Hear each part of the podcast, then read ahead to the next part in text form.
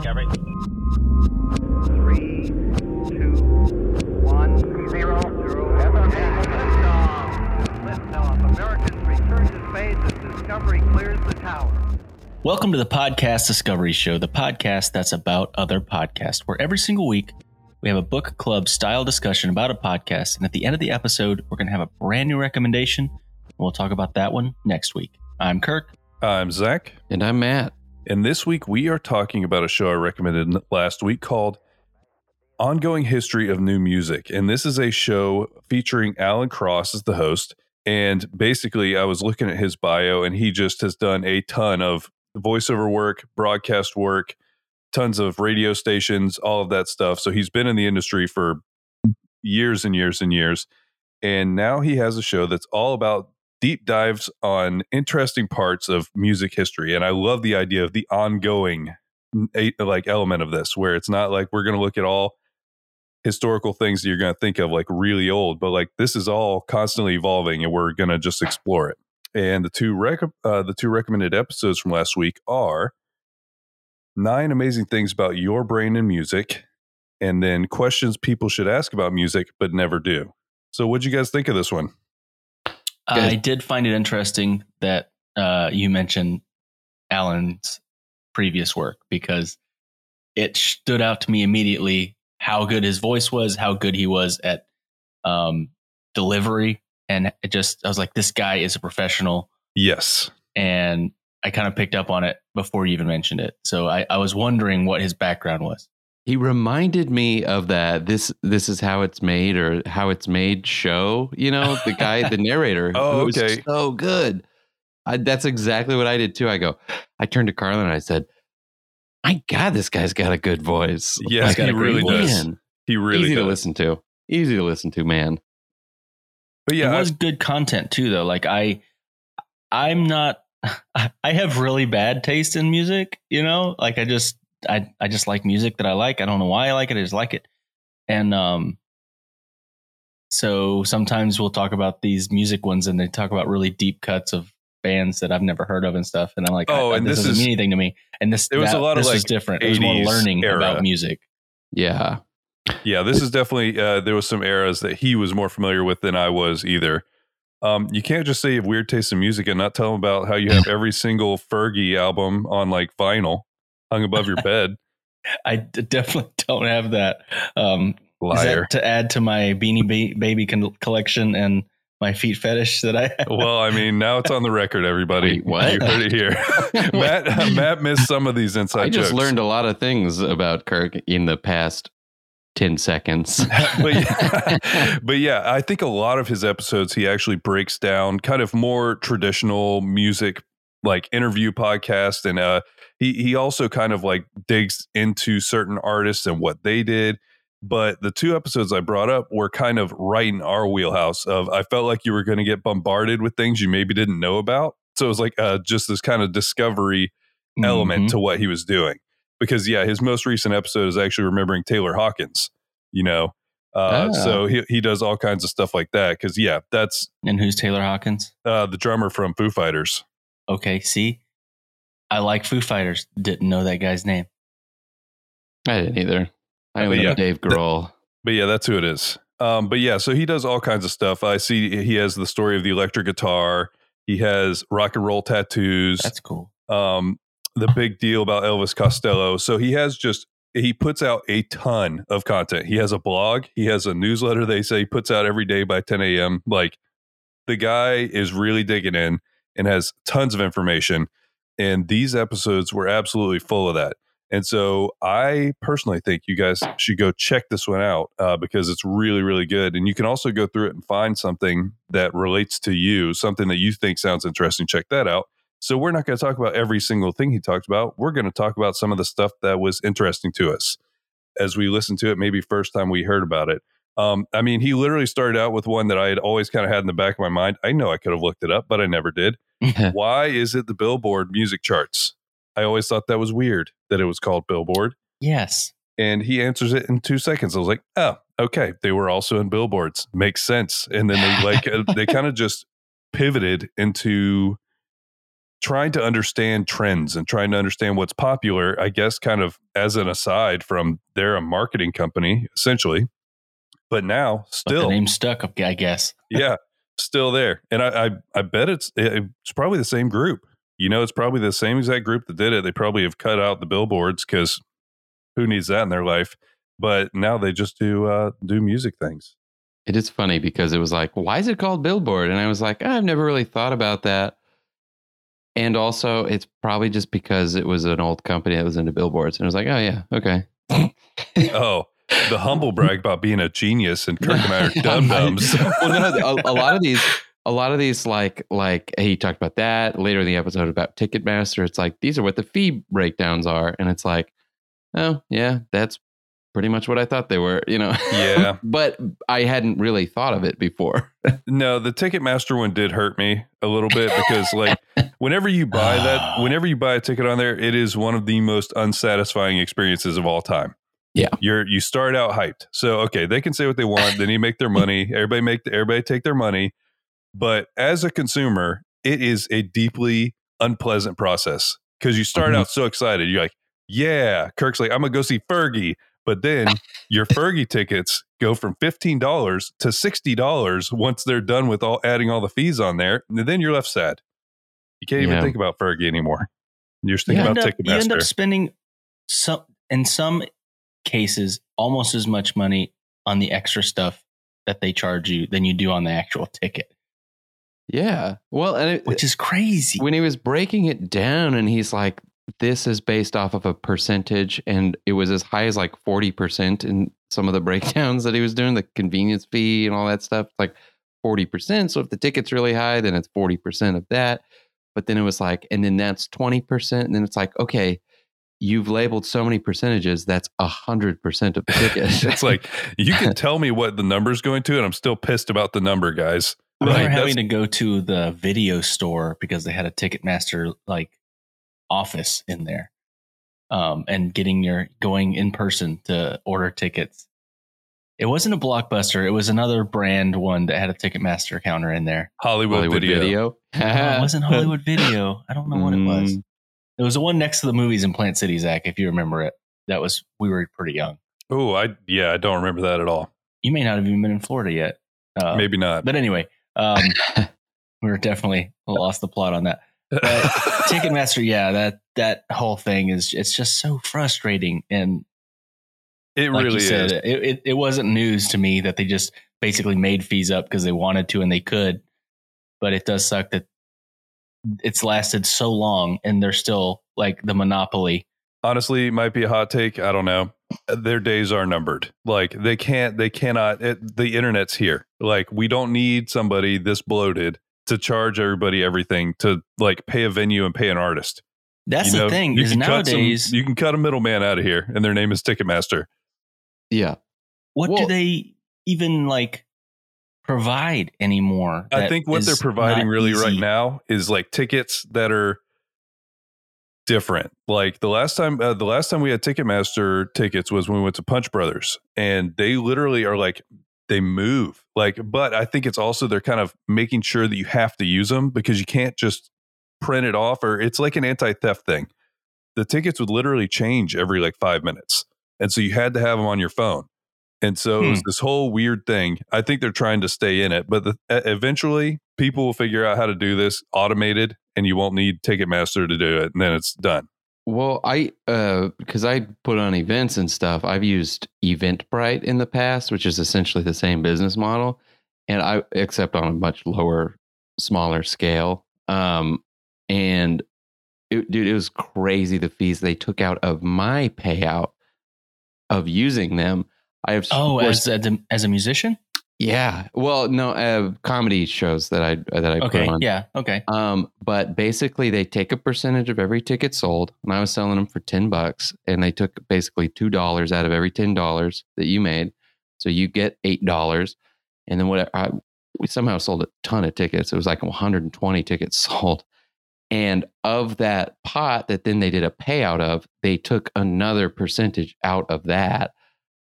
Just and overall, I think I ended up making like three grand, which is great, but it's also like yo, that that was so much money you took. Because what, ten dollars, 120 people, that's or no, I, I did my math way wrong. Take a zero off of that. My God.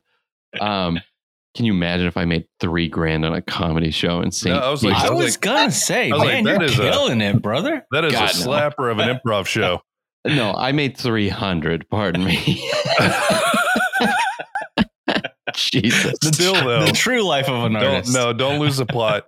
I can't believe they took all that money from you.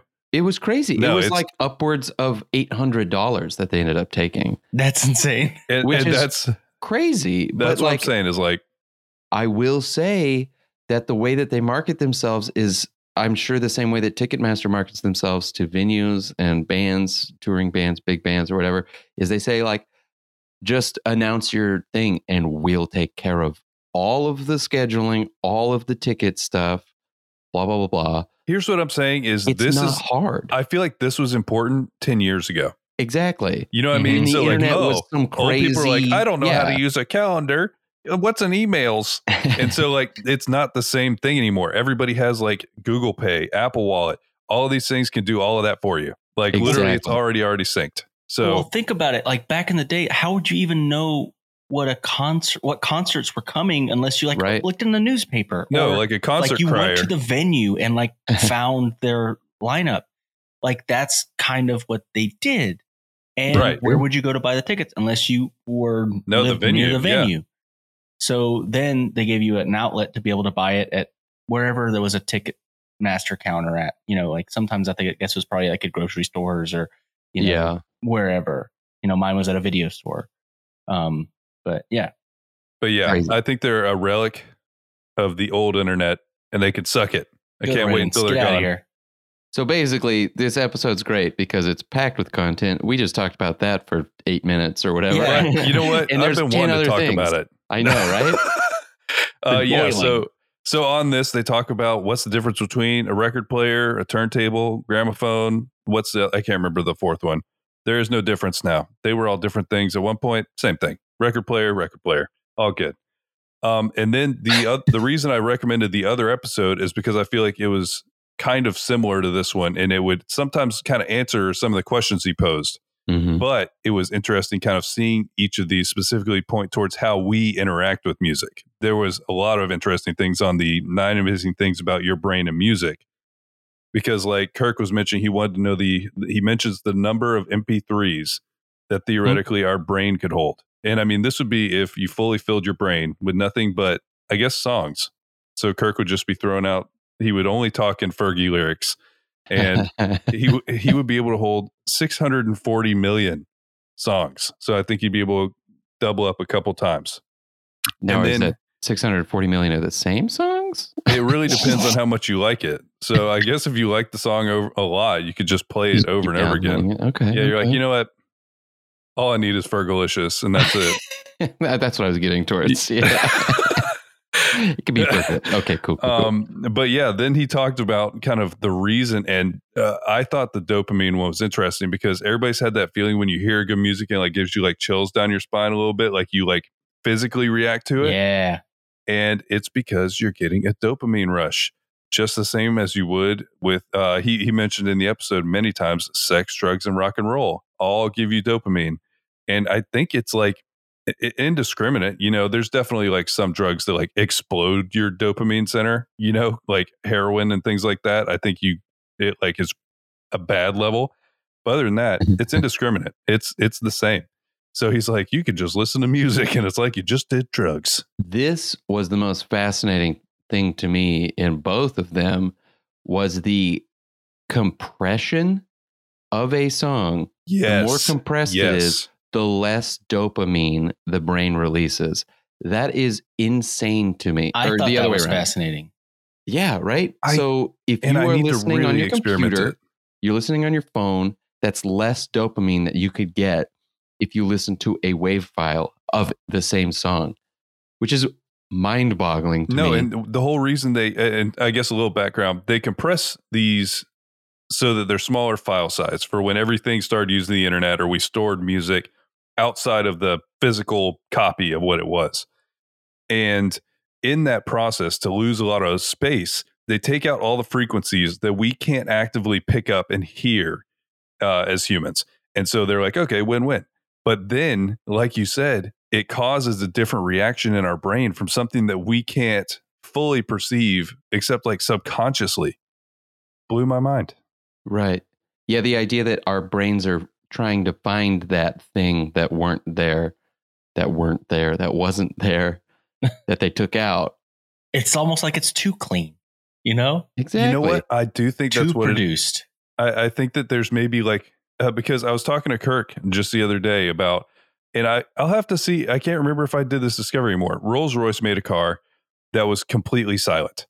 Like they soundproofed this thing so well that if you were driving it, it was making people feel sick. It was making them feel uneasy and sick because it was completely silent. You could like hear each other breathing and hear each other's heartbeats, but you couldn't hear the road.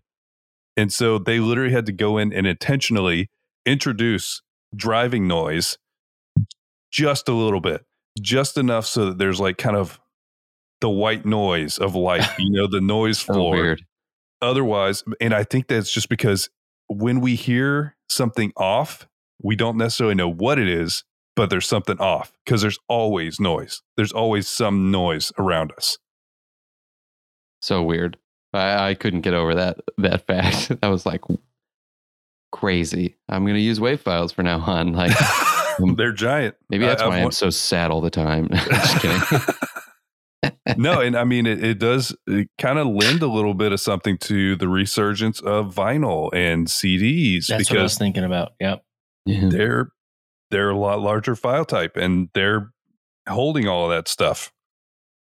Have have they started selling um cool looking CD players as like a like vinyl? You know how like they started selling nice God. vinyl, like not vinyl, but record players? Have they started selling like They should like a, a hipster looking CD like- players? they could. Uh, first of all, if you do it, it will totally work. we need Okay. to start that. The problem is it's the it's the same thing with vinyl. I feel like vinyl you're just generally more careful with, but the feeling of scratching your favorite CD and you know that when you get to this part, it's going to do the thing was infuriating. You know what I'm talking Mm. about? Where Yeah, you're yeah, like of you put a hairline scratch in it and you're like, "Oh my god, it's about to happen." And then it ruins the experience cuz you got a tiny like scratch on it. yeah. So there is a give and take, I guess. yeah. Maybe the scratches are the dopamine. Who knows? Who knows? No, and there was there was so much about this episode that was kind of like interesting ways our brains perceive it because like he talked about a woman who found some way to track and play her brain waves and then would play cello on top of it. It was very interesting sounding. Um, he talked about people waking up from comas, uh, like because their favorite song played, or people like being treated by their favorite song. People with degenerative brain diseases being perfectly fluent at the music they were fluent with in their whole life when everything else has left them.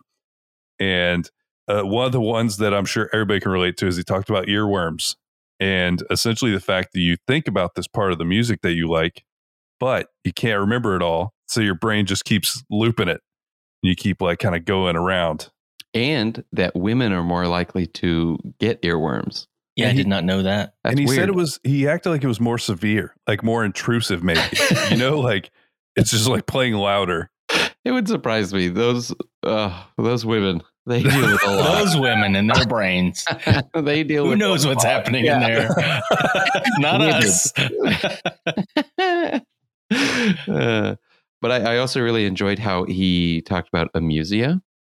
I saw that in the notes, and uh, I really appreciated the concept because it's not that they don't hear music; it's that they cannot process pitch and like remember music and recognize it, which I can't fathom. Right? That's like a I can't even fathom what that is. Yeah, I think he said it was something like 4%. So it's bigger than you'd think it would be. That's quite a few people. And then he was talking about how tonal languages, that's where this really matters. Because most people are just like, I don't want to listen to Yeah. music. I'm gonna listen to I'm gonna listen to talk radio. You know, it's fine. People can work their way around it. Not if your language is pitch dependent. They can't. So interesting. And then honestly, nobody has uh synthesia, right? Does anybody Not have that? Know. like, that? Not that I know you see, of. when you hear music, you no. see it as like uh, uh, there's like a matching color. It's a hard It one for people cool, to describe, no. really. Well, it's interesting because it's it's not always it, it's all sorts of different uh senses that get crossed. Like sometimes it's you have a feeling if you hear something, like you feel it, you taste something, like it can be any crossover, but I, I do think that's the most common one, the visual and audio one. But sometimes people eat things and they they smell like they feel like it's fascinating to me because I'm always wondering like okay, so I definitely don't have that one, but I wonder a lot if I don't have an audio and um, like I don't know how to describe that sense, feel, touch crossover in a sense. Tactile. Yeah, because I like it affects me when I hear loud noises like really intensely and I wonder if that's part of it, but it's There is a thing for that. What it- really it's the thing Twigs has, Kirk. Do you remember what that's called? Oh, There is something where loud noises hit it's you. like the opposite harder. of um. Huh. ASMR is the polar opposite yeah. of this. I can't remember what it's called. I will have to look it up. If we Maybe- remember it, we're putting it in the show notes. ASMR RMSA. No, not MRSA. Okay. no. Maybe I have MRSA, guys. Is that what you're telling me? no, I'm not a doctor. Um, but yeah, no, in general, he he's got a really great misophonia. Was? Misophonia. Misophonia. Yeah.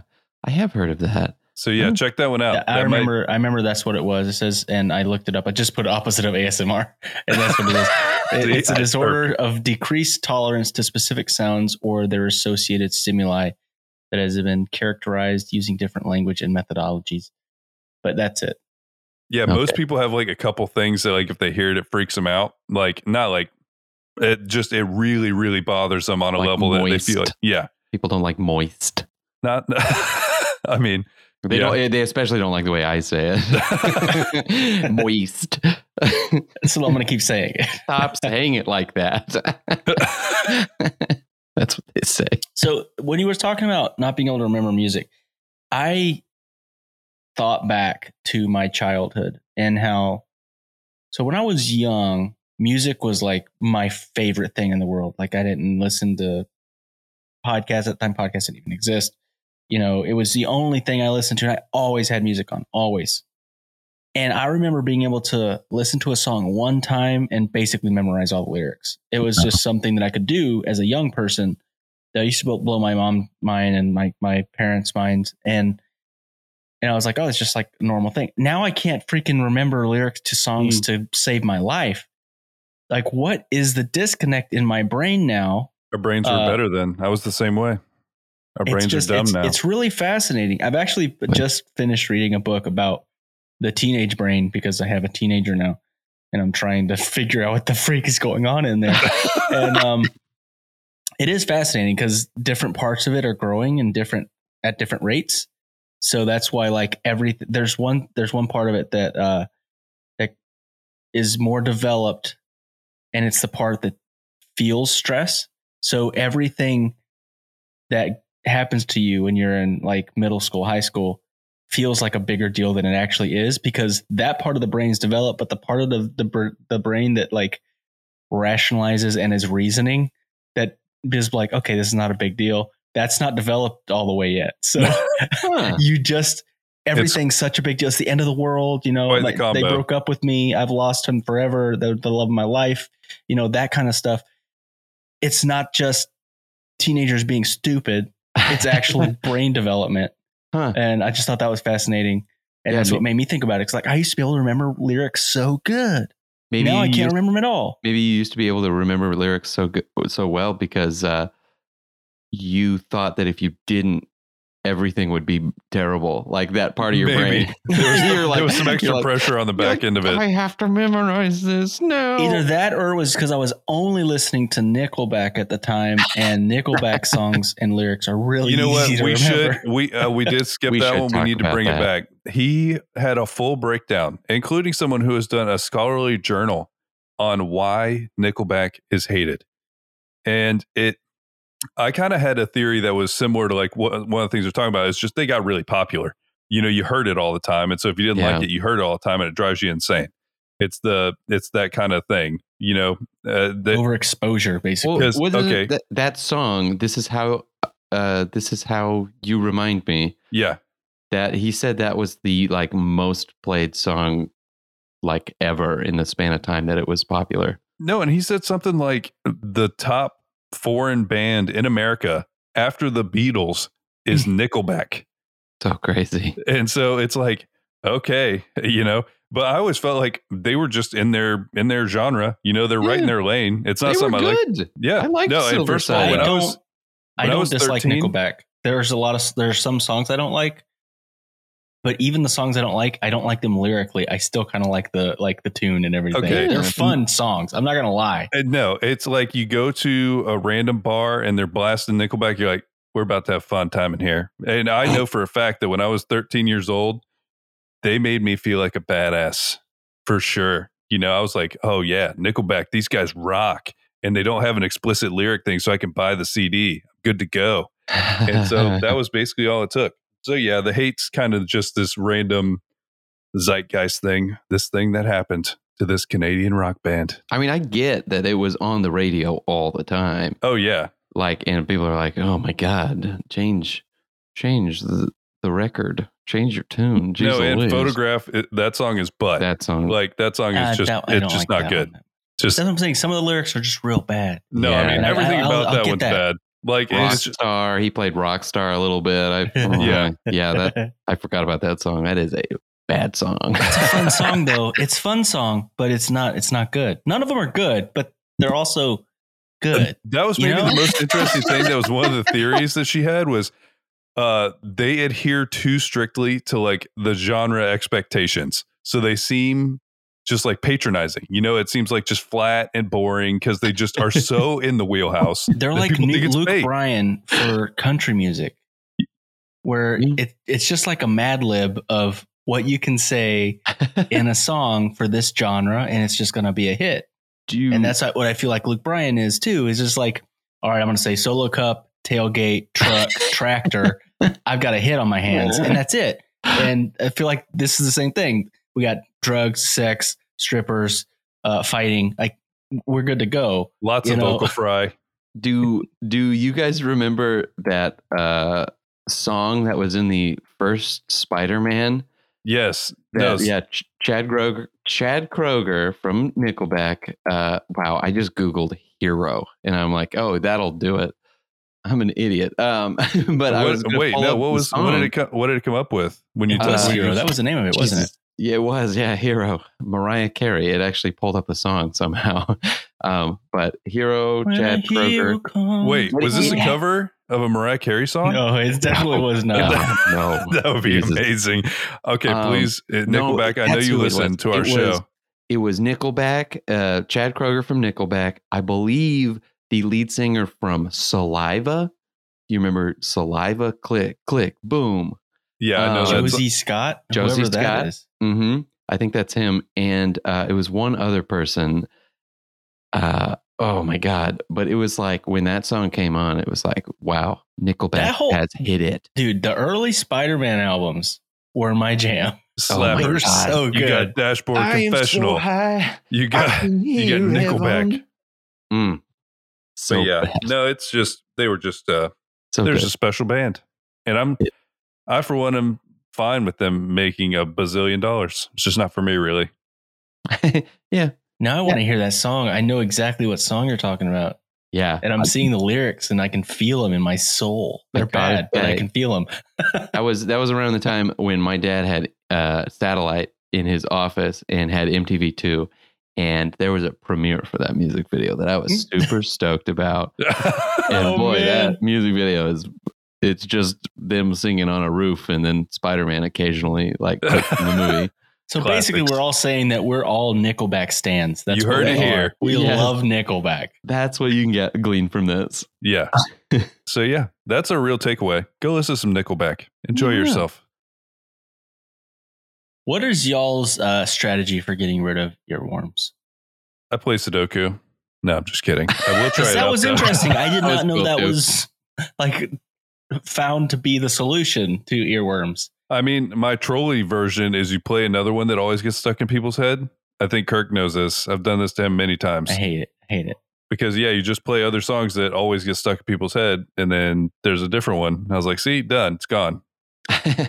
That's good. No, I don't really have one. I play the song and I hear it, and then it doesn't really help. And So I have to hear the whole song, and it'll usually help and take it away. And I thought it was just me, but it. Yeah, I heard it somewhere else. It was on a different show or news thing where they were talking about this, and it is because your brain it's like a puzzle, and if you don't remember all the lyrics, like now I don't because I have an old man brain, Hmm. then your brain doesn't stop thinking about it to try to fix that puzzle and put it together. But if you can hear all the lyrics, most of the time your brain can kind of let it go because it's solved. It's like a the, the puzzle has been solved. Now I know the lyrics.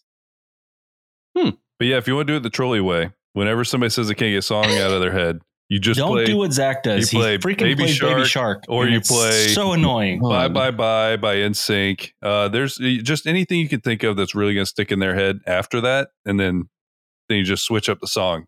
You just hit the By the next way, button. This is kind of off topic, but did you guys know that Baby Shark is the highest played YouTube video of all time? Is it really? I'm not surprised. And Yeah, let me yeah. tell you, let me let me look up real quick the number because it's it's a staggering number, like a stupid number. Like it's not like, it's I'm- not I'm something that you would 12 uh, you would expect. You know, I'm picturing uh, Bezos numbers. You know, I want numbers. it was What's- Jeff Bezos. It was What Jeffrey is your- Bezos. what is your guess? I need a guess from each of you. one Jeff going- Bezos. I'm gonna go somewhere. I'm gonna go 500 billion. I'm, I'm going, going big. I'm going higher. than Five that. hundred billion. Yeah. Dang it. No, you just see. I hate it when someone does that because now it's not Not even going to be impressive anymore. Five What hundred is it, and one Matt? billion. No, I hundred don't one know. billion. Okay. No, I- it's one dollar, please. It's ten billion. Oh, that's way lower than I thought. Uh, we're all unimpressed now. God, see, you ruined it. You ruined it. the listeners at home were really getting on the edge of their seat, and boy, did they just go "Mwah, ten billion. No, That's 10 not even billion. Bezos Uh, no, but like the next, the next one under Guys, that that's is that's more. That's more than the amount of people that are actually on Earth. oh that yeah, means that every Mhm. single person could have listened to Baby Shark two times almost oh no, on I, YouTube. I think really what's happening is all the little people on the earth listen to it 40,000 times a day and their parents are being slowly driven insane and nobody else above the age of 7 listens to it. Yeah, I listen to Adult Shark. Thank you. I'm a mature man. But yeah, so we got off on uh, many different tangents. But yeah, check out the ongoing history of new music. Fantastic show. Yeah, that was a great show. And I guess that brings us to this week's recommendation. And I found this show. Um, I don't remember how I found it, but I listened to a bunch of episodes, and oh, man, it's just it's just so good. I love story type shows, and I really like Seth Rogen. He just has this like really fun vibe and just kind of like laid back kind of vibe. And he has a show called Story Time with Seth Rogen, and it's not just him interviewing in like celebrities, which is like every other celebrity podcast. It is him having celebrities or like people that he personally knows come on the show and tell like a crazy story, like a really good story from their past. So the two, uh, I have two that I want to recommend because they're like 20 minutes long. And the first is the crappiest place on earth. Uh, and it's a, it's with Paul Scheer. Uh, he says, as a child, Paul Scheer developed a taste for cola mixed with milk. By the way, this sounds gross. Uh, Well, from his favorite television show. Apparently, it's from a TV show. They talk about it. We'll we'll learn a little bit more. Go ahead, Zach. I was I was just thinking I'm wondering if you're getting kind of like Coke float vibes from that. Maybe I've never done it. I've Uh, never done it, either. It sounds like a habit one would eventually grow out of. But as Walt Disney once said, that's the real trouble with the world. Too many people grew up. Featuring Paul's dad and Seth's parents too. So this is a story about when Paul Scheer went with his uh, dad to Disney, and it it actually escalates in, in, in ways that you wouldn't expect. I And it- think it's he's a- really funny. I'm looking forward to this. Mhm. He is. He's really funny. And then the next one is this is his, I believe, like brother-in-law or something. Seth Rogen or Seth uh, Seth Rogen's brother-in-law, and he was hiking by himself and was attacked by a bear, and he almost died. And it's a really crazy story about a bear attack. Uh, first-hand account. It's just really good, and that one is called "The Ballad of Mount Doogie Dowler." Um, so the two episodes are Story Time with Seth Rogen, and the two episodes are The Ballad of Mount Doogie Dowler and The Crappiest Place on Earth. And remember, there's always more to discover.